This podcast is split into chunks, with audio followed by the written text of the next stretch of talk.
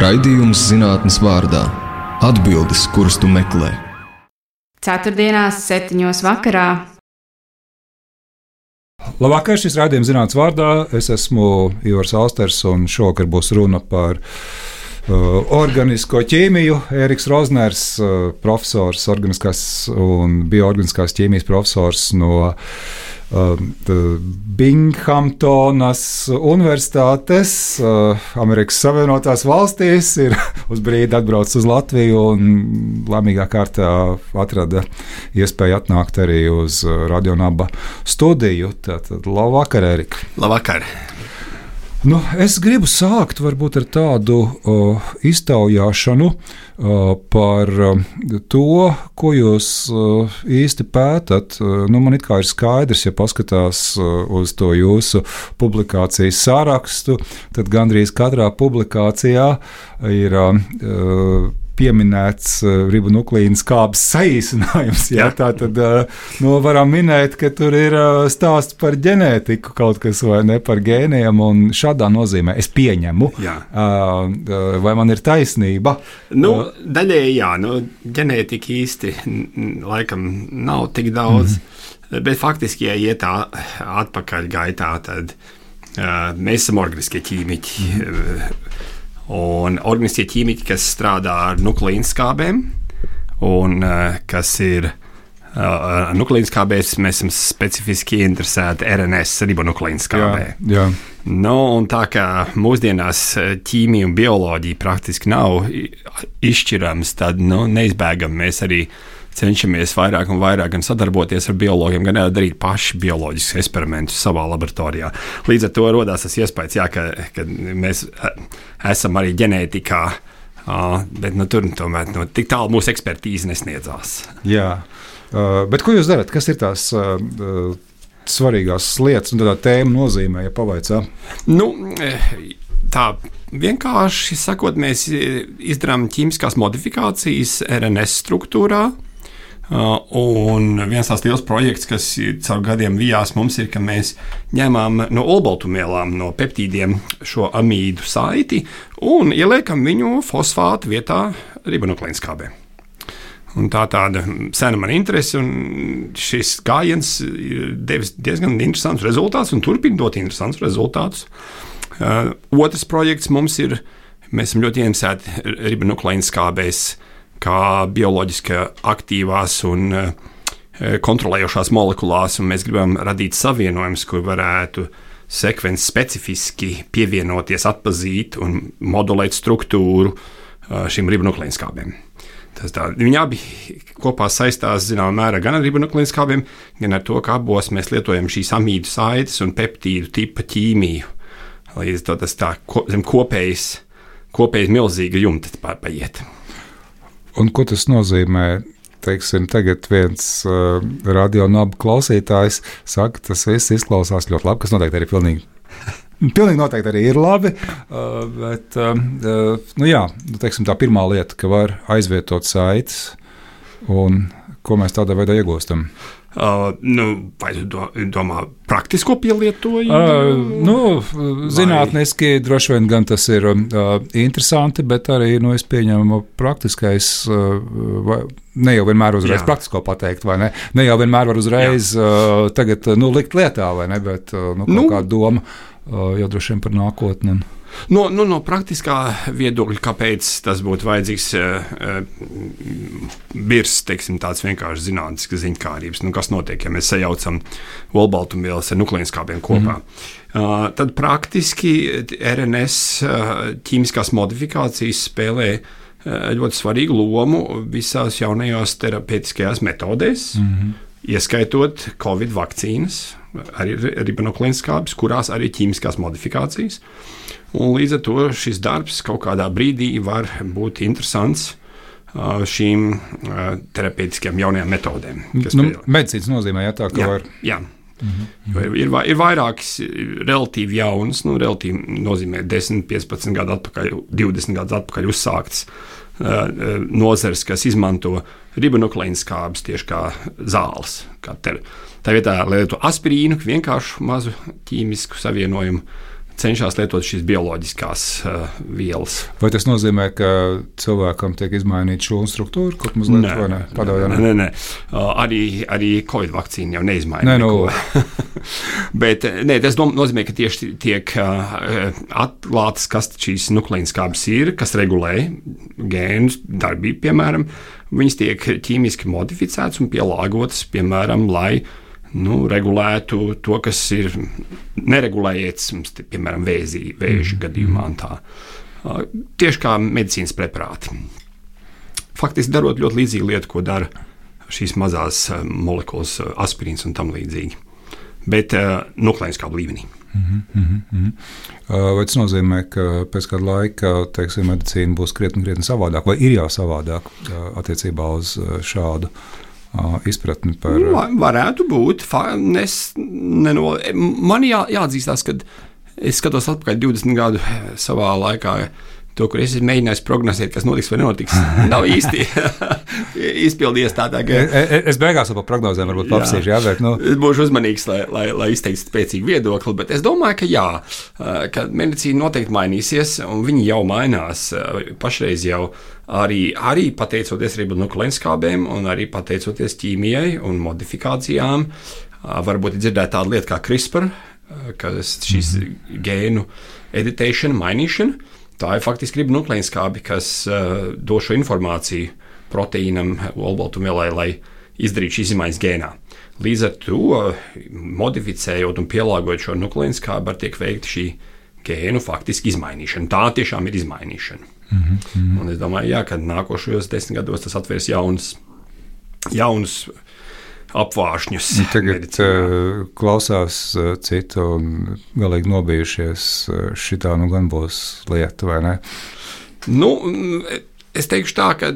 Nu, ir lietas, no kurām jāpiesargājas. Jā, tāpat kā es domāju, ka mūsu laikos ir daudzas lietas, no kurām ir, ir jāpiesargājas.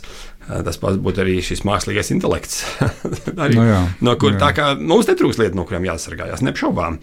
Un šī saruna jau notiek zinātnieku vidū un starp valsts iestādēm, kā to visu regulēs kā to visu kontrolēs un tam līdzīgi. Nu, Droši vien vienmēr jau ir tā, ka vērtīgās lietas ir arī salīdzinoši riskantas. Ja? Nu, tur ir nu, lieta, kas neko jā. būtisku nevar izmainīt. Tur arī nekāda riska nav. Ne? Faktiski tā ir taisnība. Jā. Tā varētu teikt. Jā. Tā būt. Mm -hmm. kā, tas, kā tas viss arī sākās? Jo paskatoties jūsu to mm, profesionālo gājumu, Jūs jau sākāt uh, teikt, ka universitātē vai jā. ne, mācīties uh, jā. Ast, uh, jā, 80. gada beigās. Otrā. Nu, tā, tas faktiski sākās pat vēl, vēl ātrāk. Pirms tam uh, interesi par zinātnē sākās sen, sen, sen. Es vairs neatceros, kādu. Kā diezgan mazam puikam. Uh, laikam atrodot un lasot tādas populāras zinātniskas grāmatas, plānas, plānas, viegli lasāmas. Uh, par dažādām zinātnēm. Ir, ir tāda arī ķīmiķa joki, ko es zinu, tāda kādreiz bija tāda populāra fiziķa joki, ko tur visādas anekdotas bija par fiziķiem salikts. Va, tie, tās bija relatīvi nopietni rakstītas, bet jā, varētu būt tādas. Faktiski jau ne, nebija būtiski, cik viņas mm. bija nopietni vai patiesi. Eh, kas bija būtiski tas, ka viņas izraisīja interesi. Nu, vispirms par fiziku bija viena grāmata, ka man fizika ļoti interesēja no sākuma. Un tad vēl viena bija par ķīmiju. Tā fizika no sākuma bija interesantāka, jo par kosmosu tur bija rakstīts un par, par um, atomiem un elektroniem. Likās fascinējoši. Bet tā problēma bija, protams, tāda, ka nu, to, ne to kosmosu, ne to atomu tā īsti māmiņas virtuvē mm. neko veikt nevarēja. Atšķirībā no ķīmijas, vai ne? Toties māmiņas virtuvē tika atrasta dzeramā soda un uh, etiķa esence, ko sajaucot kopā, bija diezgan acīm redzama ķīmiskā reakcija. Līdz ar to izvēle nosvērās uz ķīmijas pusi. Un tad mm. nākošais eh, kā, eh, pakāpiens bija Ēriks Bizdēns, eh, vidusskolnieku ķīmijas pulciņš. Tehniskajā universitātē, kur mēs tikāmies, kā tagad atceros, trešdienas vakaros, un kaut ko drusciņu tur ķīmijos sintēzēja. Tas likās ļoti nopietni, un tiešām daudziem no mums izraisīja lielu entuziasmu. Nu, un tālāk jau sekoja ķēdīte. Uh, Tajā pašā universitātē bija arī jāņem inženieru grāts, mm -hmm. turpat bija arī doktora grāts ar Ēriku kā vadītāju. Mm -hmm. Un nu, tālāk jau, kā saka, viss, viss turpinājās. Nu, jā, cik es saprotu, caur uh, Stokholmu, jā, caur Karolīnas institūtu. Un tad, jā, un tas arī bija faktiski Faktiski varētu teikt, ka tie visi bija zināmā mērā tādi tā kā negad, negadījumi, nejauši gadījumi. Tā negadījumi nebūtu pareizais vārds. Nejauši gadījumi, kur viens pakaļ otram salikās ķēdītē, kas šo procesu vadīja. Jo šī Stokholmas universitāte tā bija Erikai, tur bija sadarbība ar Rogeru Strombergu. Un radās tāda ideja, kāpēc tā ne, kāpēc tā neatbrauktu studentiņš, mm. toreiz vēl doktorantūras sākumā, un pamēģināt pastrādāt. Un, Protams, priekš manis tā Zviedrija tajā brīdī bija leputrītie, deviņi mēneši Zviedrijā bija. Uh, es domāju, tieši nekā zinātnīs ziņā, jo nu, jāatzīst, ka Tehniskā universitāte toreiz, 80. gados, resursi bija nu, diezgan minimāli. Mm -hmm. Trūcīgi mēs dzīvojam, darījām ko, nevis to, ko vajadzēja vai gribējām, bet to, ko varējām. Nu, un savukārt Stokholmā šie resursi bija nu, pār, pār, pār pārējiem. Jā. Pār pārējiem jā. Tad varēja darīt visu, ko vien vēlējās. Nu, tas atstāja tev iespaidu. Nu, labi, labi e, e, bija attiecības izveidojās ar Rogeru Strombergu, kad nu, 94. gadā pēc doktora grāda aizstāvēšanas es devos uz tā saucamajām pēcdoktora studijām. Un pavadīju gandrīz četrus gadus pēc tam Zviedrijā. Un tad atkal bija tas sapnis, ka nu, vajadzētu pamēģināt, kā tas ir Amerikā. Jo toreiz vēl likās, ka no Amerikas bija tās nu, tā pati topa vieta zinātnē. Bet vai tad vēl aizvien nav? Tas ir, tas ir temats veselai intervijai. Domā, domāju, ka būs vietas, kas stipri vien mm. konkurēs Āzijā. Mm. Šajā gadījumā situācija ļoti mainīsies. Bet nu, nav, nav jau svarīgi, vai viņai toreiz bija vai nebija. Kas svarīgi bija tas, ka bija šis sapnis un šī doma, ka vajadzētu pamēģināt. Un tā es arī, arī nejaušu notikumu dēļ, faktiski nonācu Viskonsīnā pie mm. profesora Edvina Vedēja, kā mm. uz vēl trīs gadiem, kā postdoktorālais līdzstrādnieks. Un tad arī turpinājās ķēdīte. Darba tirgus 2000. gadā Amerikā bija ļoti labs priekš zinātniekiem, profesoriem. Man izdevās atrast pašam savu darbu vietu, toreiz Bostonā, Northeastern Universitātē.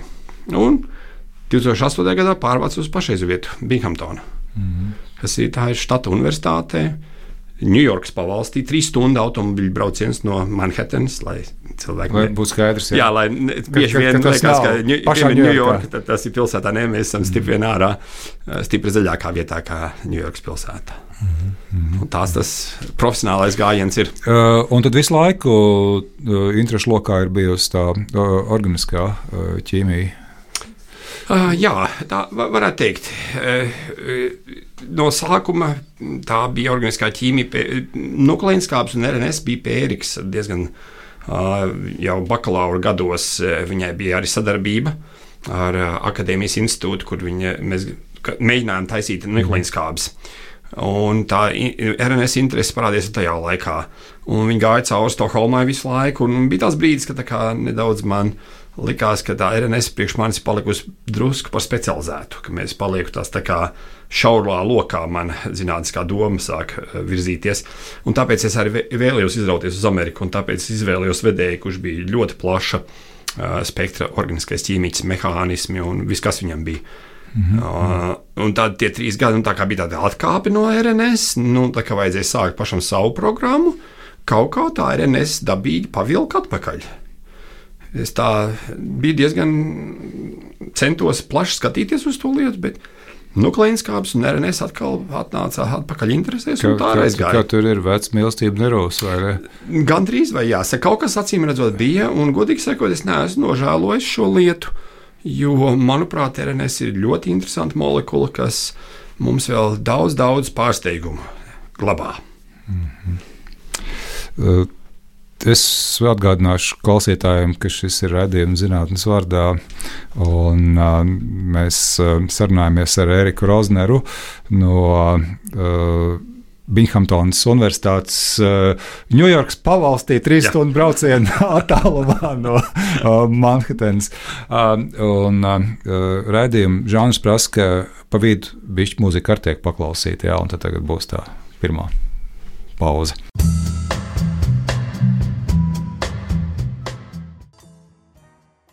Labvakar vēlreiz šis rādījums zinātnes vārdā.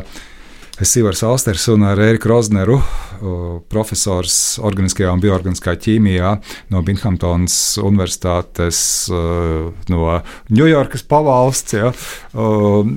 Mēs runājam par to, ko Eriks dara, ja, tātad par RNS, par ribonuklīnu skābēm, vai vienskaitlīgam, pareiz, pareizāk teikt, vai ne, nevis daudzskaitlī, kā viņš līdz tam ir nonācis un kāpēc tā tēma ir tik interesanta. Es varbūt uzdošu tādu kutelīgāku jautājumu.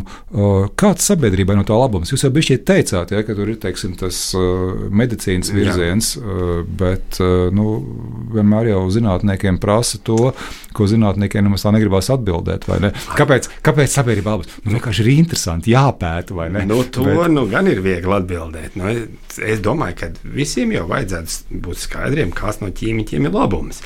Es atceros no jaunības studiju gadiem, kad pat dzējā tika teikts. Dzīvnieku vārdu neatceros, gan, bet dzīslis gan. Ja ķīmiķi mums nebūtu, tad kur mēs spirtu dabūtu? bet, ja nopietni, protams, tas ir joks, bet, ja nopietni, tad, eh, nu, ja mēs vienkārši paskatāmies viņu apkārt, visur, kur ir ķīmijas loma, redzama. O, ja mēs nonākam pie ribonuklīnas skābiem konkrēti skatāmies, tad nu, pēdējais piemērs. Es minēju CRISPR, kur ir nuklīnas kāpnes, bet nu, man liekas, vispilgtākais piemērs cilvēks labumam tomēr ir šīs Covid vakcīnas. Mm -hmm. um, šīs ribonuklīnas kāpnes kā vakcīnas jau gadus desmit pirms tam tika veidotas. Un viens no manām prognozēm, arī, savā laikā es pirmoreiz dzirdēju, viņam zinu, nu, tas gan tā, gan ir traka doma, tas nu nekad nestrādās. Uh, bet nu, cilvēki ielika milzīgu darbu tur, un tad nāca šis vīrus, un šis vīrus vienkārši bija nu, ideāla vieta, lai to, kas jau bija veidots. Jo īstenībā droši vien, ka tik ātri uh, nekas nebūtu izdarīts. Nē, nē, nē. nē tu, tu, ja, ja nebūtu milzīgs sagatavotības. Tiem, kam, bija, kam kādreiz bija šie uztraukumi, ka vai, vai tas taču pa fiksu ir uztaisīts, nē, tur bija vismaz desmit gadi ļoti fokusēts pētījumi, ja ne pat vairāk mm -hmm. uh, aizmugurē, kas un, un uzreiz viņi īstā nestrādāja tik labi. Dažādu iemeslu dēļ, kurus es pat īsti nezinu, bet vīrusam viņas bija tieši, tieši kā saka, punktā trāpīts. Un šajās ribonuklīnas kābēs e, ir ķīmiskās modifikācijas. Tās, kas ļauj tieši šīm vakcīnām tik efektīvi šos uh, uh, olbaltumvielas sintēzēt. Mm -hmm.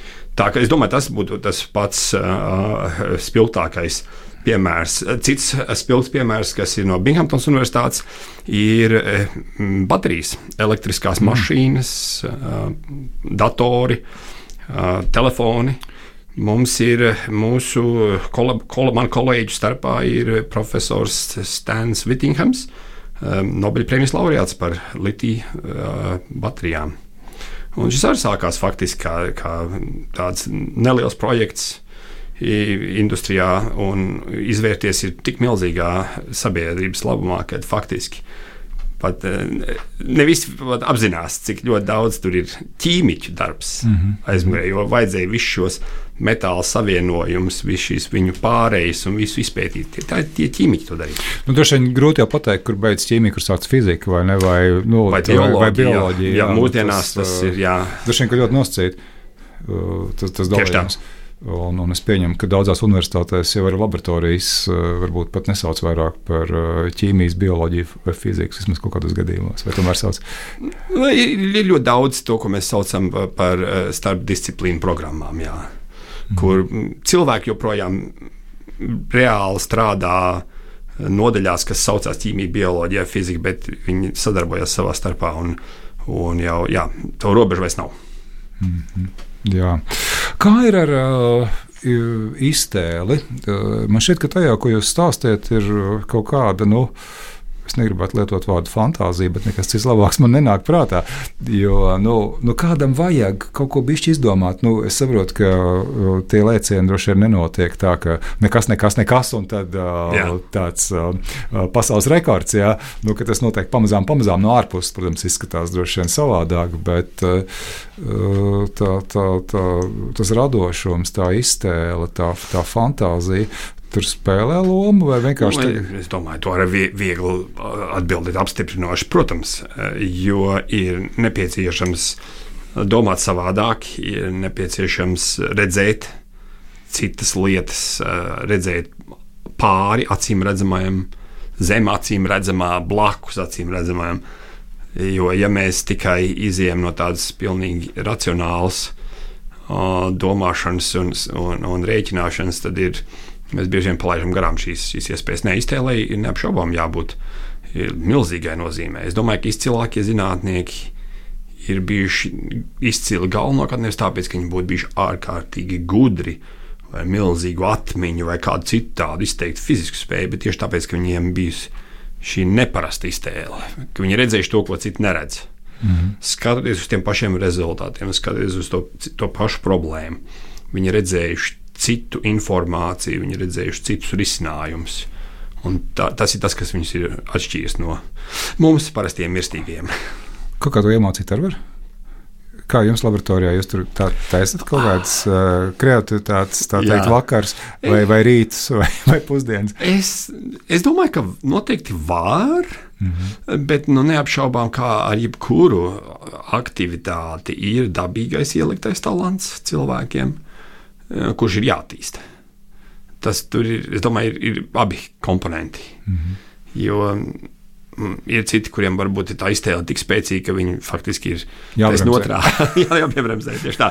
Uh, un, un ir varbūt kāds no mums esam nu, tik nabadzīgi ar to iztēli, ka nu, vai mēs trenējam vai netrenējam, nu, nekas tur daudz var. Nē. Katram no cilvēkiem ar viņa spējām ir sava vieta un sava loma. Nav tā, tas nekas nav absolūti. Kā tur bija, kas, kas benzola gradzenu arī nosapņoja? Ja? Jā, jā, laikam, jā. jā čūska, kas iekož astē un tam nu, līdzīgi visādi stāsti. Jā, jā, jā. jā, jā tā, tā, tā ir taisnība. Galvenais tad vajag turēt to piezīmu grāmatiņu pie gultas, vai mm -hmm. ne, jo, mhm. zin kā, kad pamostās, tu bišķi atcerās un pēc tam viss aizmirst. Jā, jā. Jā, jā. Uh, nu jā. Uh, Kā ir? Man ir līdzīgs jautājums vēl, nu, teiksim, tas uh, dabas zinātnieku skatījums vispār uz, uz, uz pasauli, uh, nu, ne tikai uh, ķīmijas laboratorijā, vai uh, dabas zinātnieki, tā skaitā ķīmiķi, skatās kaut kā atšķirīgā veidā, jo uh, varbūt var iemācīties kādu labu spriešanas prasmi, labu domāšanas uh, veidu? Nezinu, jo vien, viens veids, kā atbildēt, ir, ka es nezinu, jo nav jau man ar ko salīdzināt. Nav jau tā, ka es varētu pastīties vienā vai citā veidā. Bet, uh, bet droši drīkst teikt, kā izskatās. Vienkārši šķiet kaut kāda. Jā, es domāju, es domāju ka kad var, varbūt viens no, no, no viens no veidiem, kas būtu, kam vajadzētu būt noteikti eh, raksturīgam dabas zinātniekiem, ir tāda kritiska vienmēr attieksme pret to rezultātiem, ko mēs redzam, iegūstam, dzirdam, lasām. Jo vienmēr eh, mēs cenšamies vaicāt, mm, vai tur kaut kas nav nepareizi. Mm -hmm. Kaut kas tur īsti nelīmējās. Mēs vienmēr tā kā. Kas uz to norāda? Nu, tā varbūt no sākuma nevar pateikt. Tā ir nu, intuīcija. Es, do, es domāju, ka tā, tā varētu teikt, ka reizēm tā ir intuīcija, reizēm tā ir vienkārši piesardzība. Ka, teiksim, mēs iegūstam, piemēram, mēs iegūstam rezultātu, kas nu, ir tik labs, ka, nu, ka, nu, ka nu, ir, ir jālec no krēsla ārā. Tā jau uzreiz ir aizdomīgi. Jā. Pirmais uzreiz, jā, kā vai tiešām viss ir pārbaudīts. Un vai tiešām viss ir, ir tā ir. Un es domāju, ka tur ir viena ļoti vērtīga īpašība, kas derētu uh, plašām, uh, citiem cilvēkiem, uh, plašām tautā, tautas masām, pla, pla, mm, visās spe, speciālitātēs. Un tā būtu šī kritiskā attieksme pret to, nepieņemt uzreiz to, ko mēs gribam pieņemt. Mm -hmm. Un es noteikti negribu runāt par politiku, bet skatoties uz pēdējā laikā uz notikumiem gan Krievijā, gan Amerikā, pārāk daudz cilvēku ļoti viegli pieņem to, ko viņi grib eh, redzēt. Mm. Bez kritiskas domāšanas, bez šīs pārbaudas. Un es domāju, šī dabas zinātnieku pieeja varētu būt daudz palīdzēt, izvairīties no šādām diezgan globālām nelaimēm, kad cilvēki lielos daudzumos sevi apmāna faktiski. Mm -hmm. Dabas zinātnieki domā uzreiz, eh, kas ir tie dati, kas runā pa labi vai pa sliktu. Nu, kā jau labs zinātnieks visu laiku meklē to, kas apstrīd, vai ne tā vidēji, vai tā ir. Tas tieši ir tā. labs jautājums. Tas, tas bija tieši trāpīts tajā desmitniekā. Nu, es negribu teikt, ka mēs vienmēr to darām. Jā, jo mums arī visādi iet ar tām lietām. Mēs arī gribam reizēm ātrāk, reizēm mums patīk tie rezultāti, ko mēs iegūstam pārāk daudz. Bet principā uh, ir taisnība, ka tāda ļoti tā pareizā zinātniskā metode ir nevis izvirzīt hipotēzi un pēc tam viņu cītīgi pierādīt.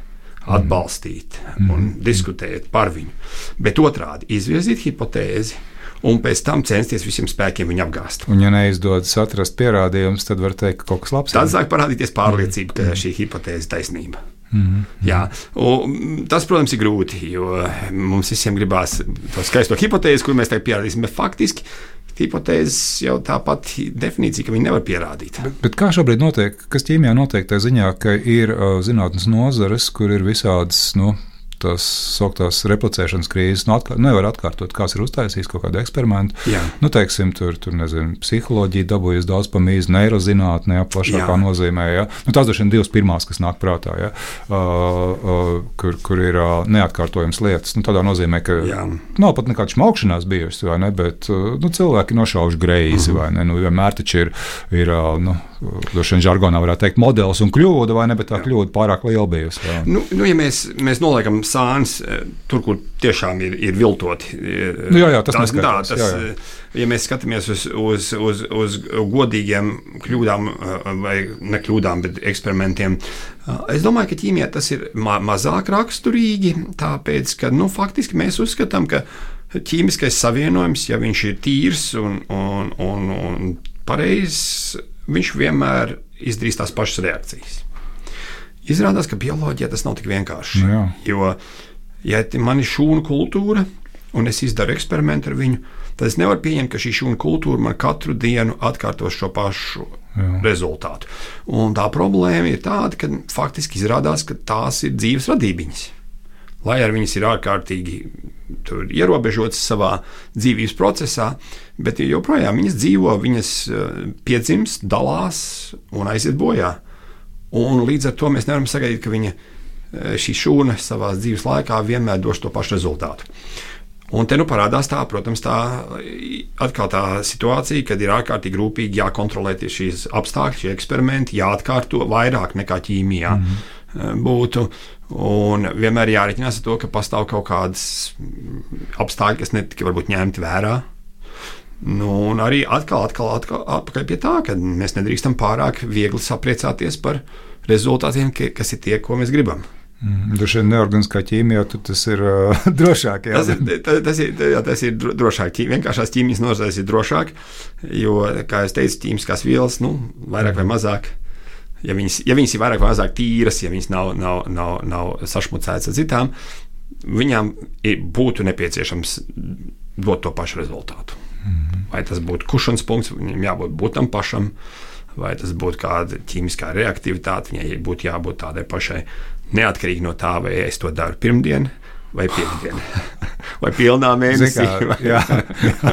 vai bezmēnesis naktī. Šitie ir forši pētījumi pa mēnesi. Jā, jā. Um, um, jā, gan, jau, gan jau kādam ir arī teorija, kā tas uh, iespēdo uh, pētījums. Um, uh. Uh, Kā ķīmija būtu jāmācās vispār skolā? Viņu kaut kā vajag savādāk mācīt. Ka, kas tur šodien vispār notiek? Ir kaut kāds priekšstats. Jo uh, es pastāstīšu vienu tādu gadījumu, ko es, es nejauši nokļuvu. Bija kādreiz tāda mm, iespējamā misija, kur uh, Latvijā tāda organizācija, kas savāca cilvēkus, kas grib būt skolotājs kaut kādu laiku, kas citās profesijās strādā, un gāja skolā strādāt, un viņiem tur ir labi patīk, un skolēniem arī ir labi patīk. Un es vienreiz dzirdēju vienu skolotāju priekšlasījumu, kurš bija uz diviem vai trim gadiem aizgājis skolā strādāt. Viņš ķīmiju bija no mācību priekšmeta no kā visi bēgļi, kas visiem riebās, uztaisīs tādu, kur visi tā teikt, rindā stāvēs pēc stundām, jo, zin, lai, lai tikai tiktu, vai ne, tur kaut ko padarīt. Uh, bet uh, man jau šķiet, ka tā ķīmija ir ritīgi interesanta, vai ne, bet uh, kaut kā skolā, nu, viņas baigi bēg visi, vai ne? Oh, es, es, man ir grūti pateikt, jā, man viņa vienmēr ir fascinējusi, uh, bet Es nezinu, kā viņi mācīja skolā, godīgi teikšu. Kā šobrīd mācās? Jā. jā, bet nu, es apmēram zinu, kā mēs mācām viņu universitātē. Jā.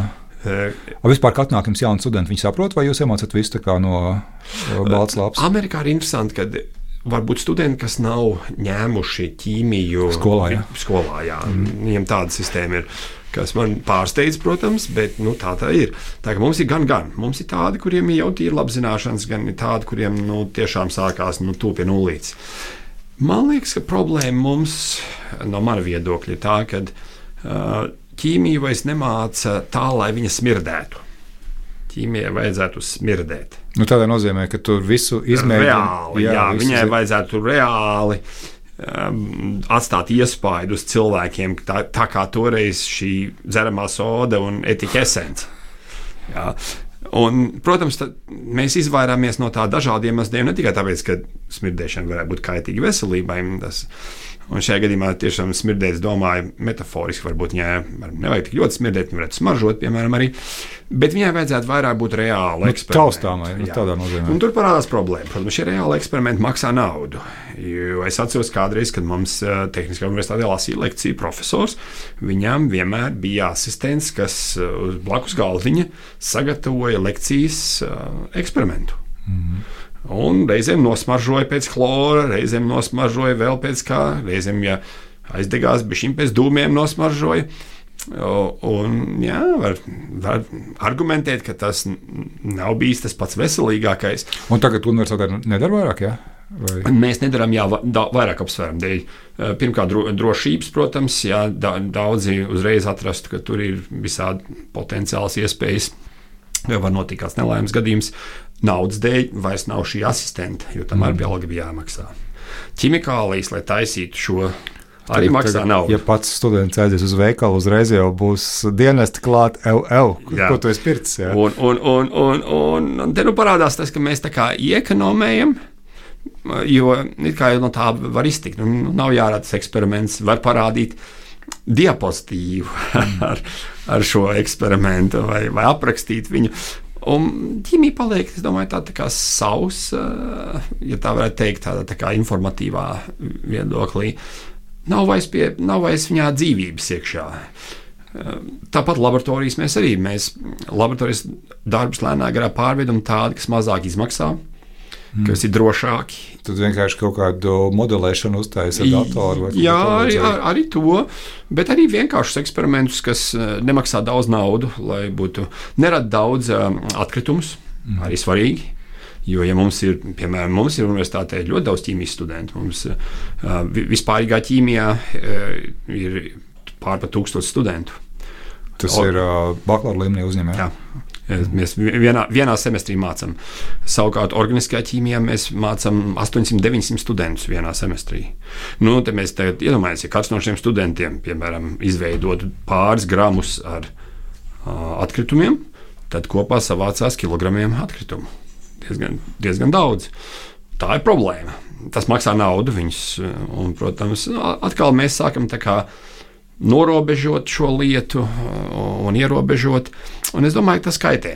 Tas, kaitē, tas ne, ne, nedod cilvēkiem to pareizo priekšstatu, kas ir ķīmija. Mm -hmm. Tas ir mans viedoklis. Tāds. Bet vispār kopumā nepaliek mazāk tā eksperimentālā daļa ķīmijā, nu, plašāk skatoties. Jo, jo es pieņemu, ka kaut kādas lietas jau droši vien var arī ar modelēšanas palīdzību uztaisīt, nu, vai vismaz censties saprast, neizmēģinot. Tā nav ķīmija, neiet tā virzienā. Es, es domāju, ka, ka īsti nē, ir. Ķīmija, ir modelēšana spēlējas ļoti svarīgu lomu ķīmijā. Uh, starp citu, interesanti, es Rīgā tieši mācos modelēšanu. Priekš RNS modelēšanu eh, nodarbojos visu mm. pēdējās trīs nedēļas. Tas spēlē savu lomu, jo tas ļauj īpaši sarežģītām sistēmām labāk viņas vizualizēt un, un saprast, domāt. Atkal eh, tas varētu būt par iztēli, viņš palīdz mūsu iztēlei. Brīžiem ir, mēs varam uzticēties rēķiniem, sarēķināt, bet tas neaizstāja.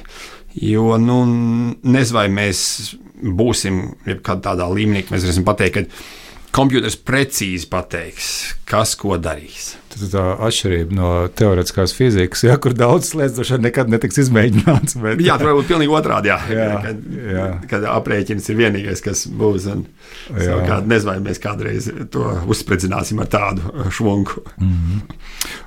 Vēl vien uztaisīsim vienu uh, mūzikas pārtraukumu. Es atgādināšu, ka šis raidījums zinātnīs vārdā Eriks Rozners, uh, profesors no Binghamtonas Universitātes, uh, profesors organiskajā, bioorganiskajā ķīmijā, uh, šovakar pirms viesojas. Mēs runājam par dažādiem aspektiem, ar ko Eriks saskars uh, savā ikdienas darbā. Jā, labvakar vēlreiz. Jūs klausāties raidījuma zinātnīs vārdā Radio Naba. Eriks Rozners no Binghamtonas Universitātes profesors organiskā, bioorganiskā ķīmijā. Pie mums šovakar ciemos Sivars Austers. Uh, un, uh, mēs jau par ļoti daudzām lietām esam uh, izrunājuši, bet ir vēl pāris tēmas, ko es gribētu Ērikam piedāvāt. Tagad, pirms tās muzikas klausīšanās, mēs runājam par to, ka nu, ideālajā pētījumā, uh, ideālais pētījums nevar būt uh, modelēšanas pētījums, nu, tāds uh, teorētiskās ķīmijas pētījums, ja tur viss vis jāizdara, viss jāizmēģina. Kas ir jūsu gadījumā, nu, es domāju, no tādas personiskās zinātnieku perspektīvas skatu punkta, būtu tāds ideāls pētījums, ko būtu.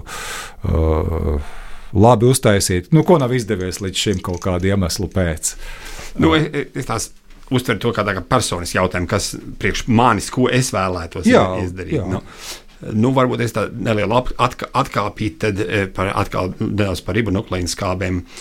Uh, man šī interese par ribonukleīnu skābi sākumā bija vienkārši tāda ļoti tāda.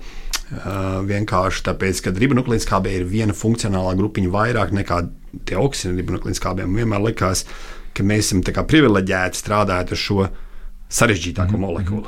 Bet e, cauri gadiem ejot, izrādās, ka ribonukleīns kāpa tiešām, kā jau es minēju, ir molekula, kas ir devusi mums pārsteigumus un turpina dot mums pārsteigumus. Nobelprēmijas e, cilvēki saņēmuši par pētījumiem šajā virzienā un turpina saņemt. Un viena no joprojām visfascinējošākajām lietām priekš manis ir e, atpakaļ pie ģenētikas, varbūt. Mēs visi zinām, DNS saglabā mūsu ģenētisko informāciju.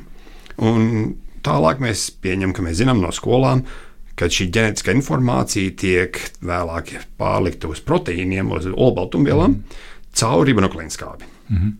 Bet izrādās, ka tas ir tikai tās neliels procesiņš visā šajā bioloģijā, ģenētikā. Izrādās, ka tikai 2% no mūsu DNS īstenībā kodē šo olbaltumu informāciju. Tikai 2%. Tā pašā laikā 70 līdz 90% no DNS tiek visu laiku sintēzēta ribonukleīna skābe. Un ko šī ribonukleīna skābe dara? Tas ir uh, visu laiku no jauna, tas tiek darīts. Jā, kā mēs šeit, mhm. šeit sēžam. Un runājam, tas noticis neskaitāms reizes. Jā. Mums tikai 2% no mūsu DNS tiek pārvērsta proteīnos, bet 70-90% gandrīz vai visa DNS tiek pārvērsta ribonukleīna skābē. Un kas ir fascinējoši, ka mēs nezinām, un ko lielākā daļa no šīs ribonukleīnas dara. Mm -hmm. Tādēļ no mana viedokļa tāds tiešām ideāls pētījums, filozofisks, būtu, ja mēs varētu ar savu ķīmiju, ar, ar savām metodēm piedalīties, saprast, atrast šos atbildes, ko šī ribonukleīna skābe tiešām regulē un dara. Nu, un, piemēram, tas pats CRISPR ir viens no tiem piemēriem, ka pēkšņi tika atklāts, ka izrādās, ka daļa no baktērijas ribonukleīna skābes veido imūnosistēmu. Ja. Un es domāju, ka nākotnē būs pārsteigumi, vēl no ribonukleīna skābes negaidītas funkcijas tiks atklātas. Ne, ne, un, būt šāda pētījuma daļa, būtu tas mans ideālais. Vai tas var nozīmēt arī, ka imunitāti varēs nu, kaut kā uh, regulēt? Uh, nu, tagad jau var regulēt, protams, ja mēs skatāmies noteiksim visu vakcinēšanas lietas un tam līdzīgi, tas jau ir tajā virzienā. Vai, vai, vai, vai tas nozīmēs, ka mēs kļūsim aizvien rezistentāki pret kaut kādām saslimšanām? Ne obligāti. Es minēju CRISPR kā, kā bakteriālo imunitāti. Mm. Tomēr evolūcija ir atteikusies no augstākajās uh, organismos no šī uh, mūsu pašreizējās mm. imunitātes labā. Tā kā tur tā saikne nav tāda tieša. Man ir ļoti grūti pateikt, kas tas būs. Jā. Mm -hmm. Bet es domāju, ka būs tāda, tā, vēl daudz atklājumu. Mm -hmm. Ribonuklīns skābi vēl dos mums daudz pārsteigumu. Tas ir, ja, kāds tagad klausās jaunais ķīmiķis, un es ceru, ka klausās, jā, tad, ja nevar izdomāt, ko darīt, tad te ir viens, viens padoms. viens padoms ribonuklīns skābi. Jā. Um, jā. Uh, bet kā ir vispār, kas notiks teiksim, ar ķīmiju? Uh, no tuvākā un tālākā laikā. Jūs teicāt, sarunas sākumā, ka jūs ļoti negribat prognozēt. Tas ir, jūs esat mieru, bet uh, gribat izvairīties. Jā, jā, jā. Bet es tagad mēģināšu tomēr kaut kā, ja ne piespiest, tad vismaz uzvilināt uz kaut kādām domām. Jā. Nu, es pieņemu, ka, teiksim, uh, ķīmiķis, kurš kaut ko darīja, Uh, tur nezinu, kurā vietā Rīgā bija. Tur bijušā bioloģijas fakultātē kādu laiku, laikam, ar ķīmiju nodarbojās. Teiksim, pirms kaut kādiem 70, 80 gadiem. Droši vien, ka mierīgi nu, daudz maz varētu saprast, kas šodien notiek, vai ne, un nezinu, paņemt žurnālu. Droši vien, ka varētu saprast. Jā. Eh, kā būs pēc kāda laika, teiksim, kā tā ķīmija varētu Jā. vispār izskatīties? Nu, ir, es domāju, ka ir grūti prognozēt. Nu, vien, viens veids varētu vienkārši teikt, ka ķīmija turpinās eh, attīstīties, sadarboties ar citām zinātnēm, neapšaubām. Viņi integrēsies vairāk un vairāk kopā ar bioloģiju. Par to nav nekādu šaubu. Tas notiek. Kā visu, lielākais nezināmais, domāju, kā visu šo lietu mainīs tieši E, mākslīgais intelekts. Hmm. Kā, kas tur varētu notikt, kā tas varētu kaut ko mainīt, to mēs tiešām neapzināmies. Nu, attīstoties tam, jo, Jā. jo šobrīd jau īstenībā daudz lietas jau tur nav nekas e, tāds e, baigi unikāls, kā Jā. es saprotu no mākslīgā intelekta, bet, bet nu, kaut kas jau arī ir. Kaut, kaut, ka, kaut kas varētu tur pēkšņi parādīties tāds, ko, ko varētu, nevarētu prognozēt vienkārši, bet nu, es domāju, mums tāpat joprojām cilvēkiem būs vajadzīgi labāki materiāli būs vajadzīgas labākas baterijas, mm. būs vajadzīgas jaunas un labākas zāles un, un preparāti, jauna medicīna. Un vai tas tiks mm, virzīts no tādas tradicionālās medicīniskās ķīmijas veida, atklājot jaunus mazus jaunos aspirīnus un tam līdzīgs, jeb no bioloģijas viedokļa. Par kā tur bija aspirīna, jau, ah, ne aspirīna, ne, tas bija penicilīna atrada, tā teikt, aiz skapja, jā. Jā, jā, nu, jā, nu. Petrī trauciņš bija iepelējis. jā.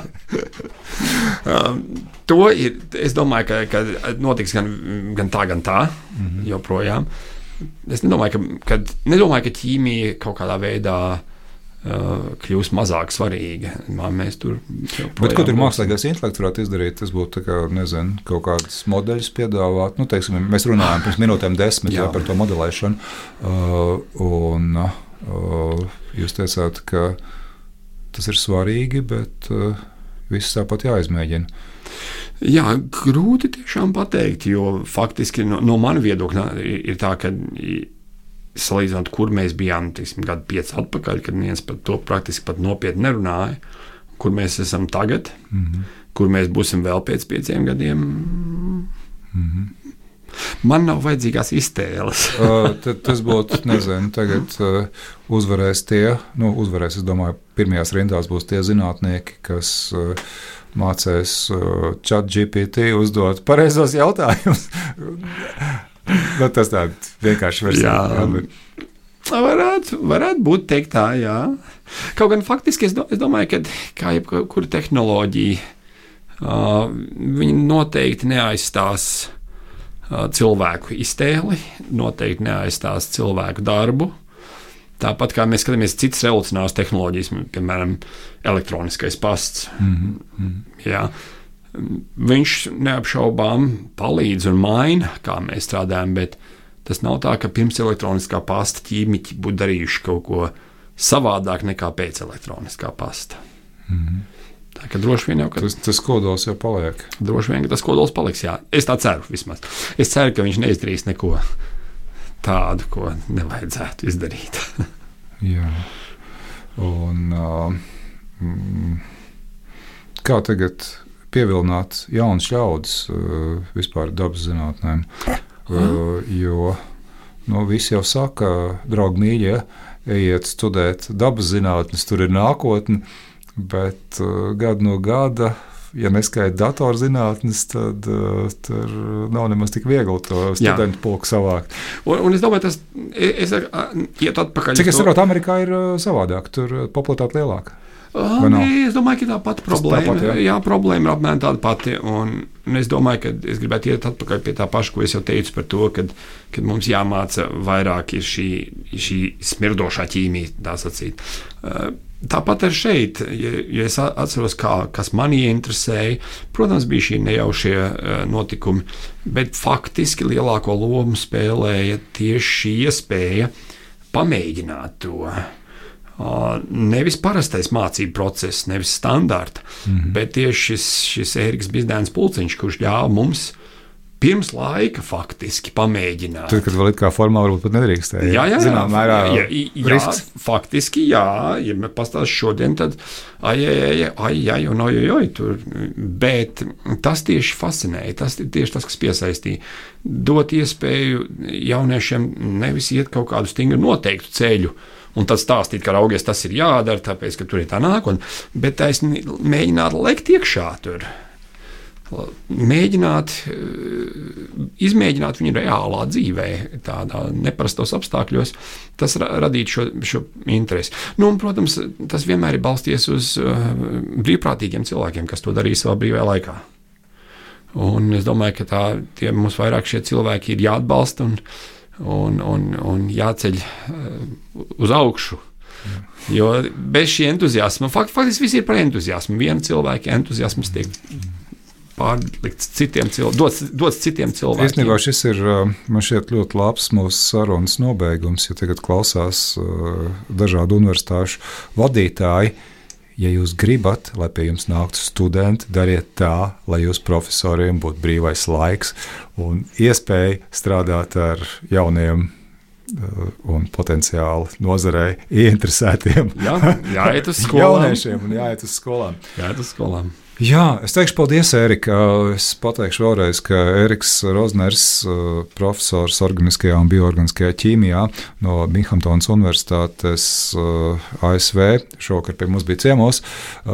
Jā, paldies, Erika, vēlreiz. Man bija ļoti interesanti klausīties un saprast drusku labāk, kas tā organiskā ķīmija tajā gadījumā, ja jā. tur ir RNS iesaistīta, kā tas viss notiek. Tad uh, paldies un uz saziņu pēc divām nedēļām. Es esmu Ivars Austers un tiksimies. Liels, liels paldies par iespēju dalīties manās domās. Paldies! Raidījums zinātnes vārdā - atbildes, kuras tu meklē. Ceturtdienās, septiņos vakarā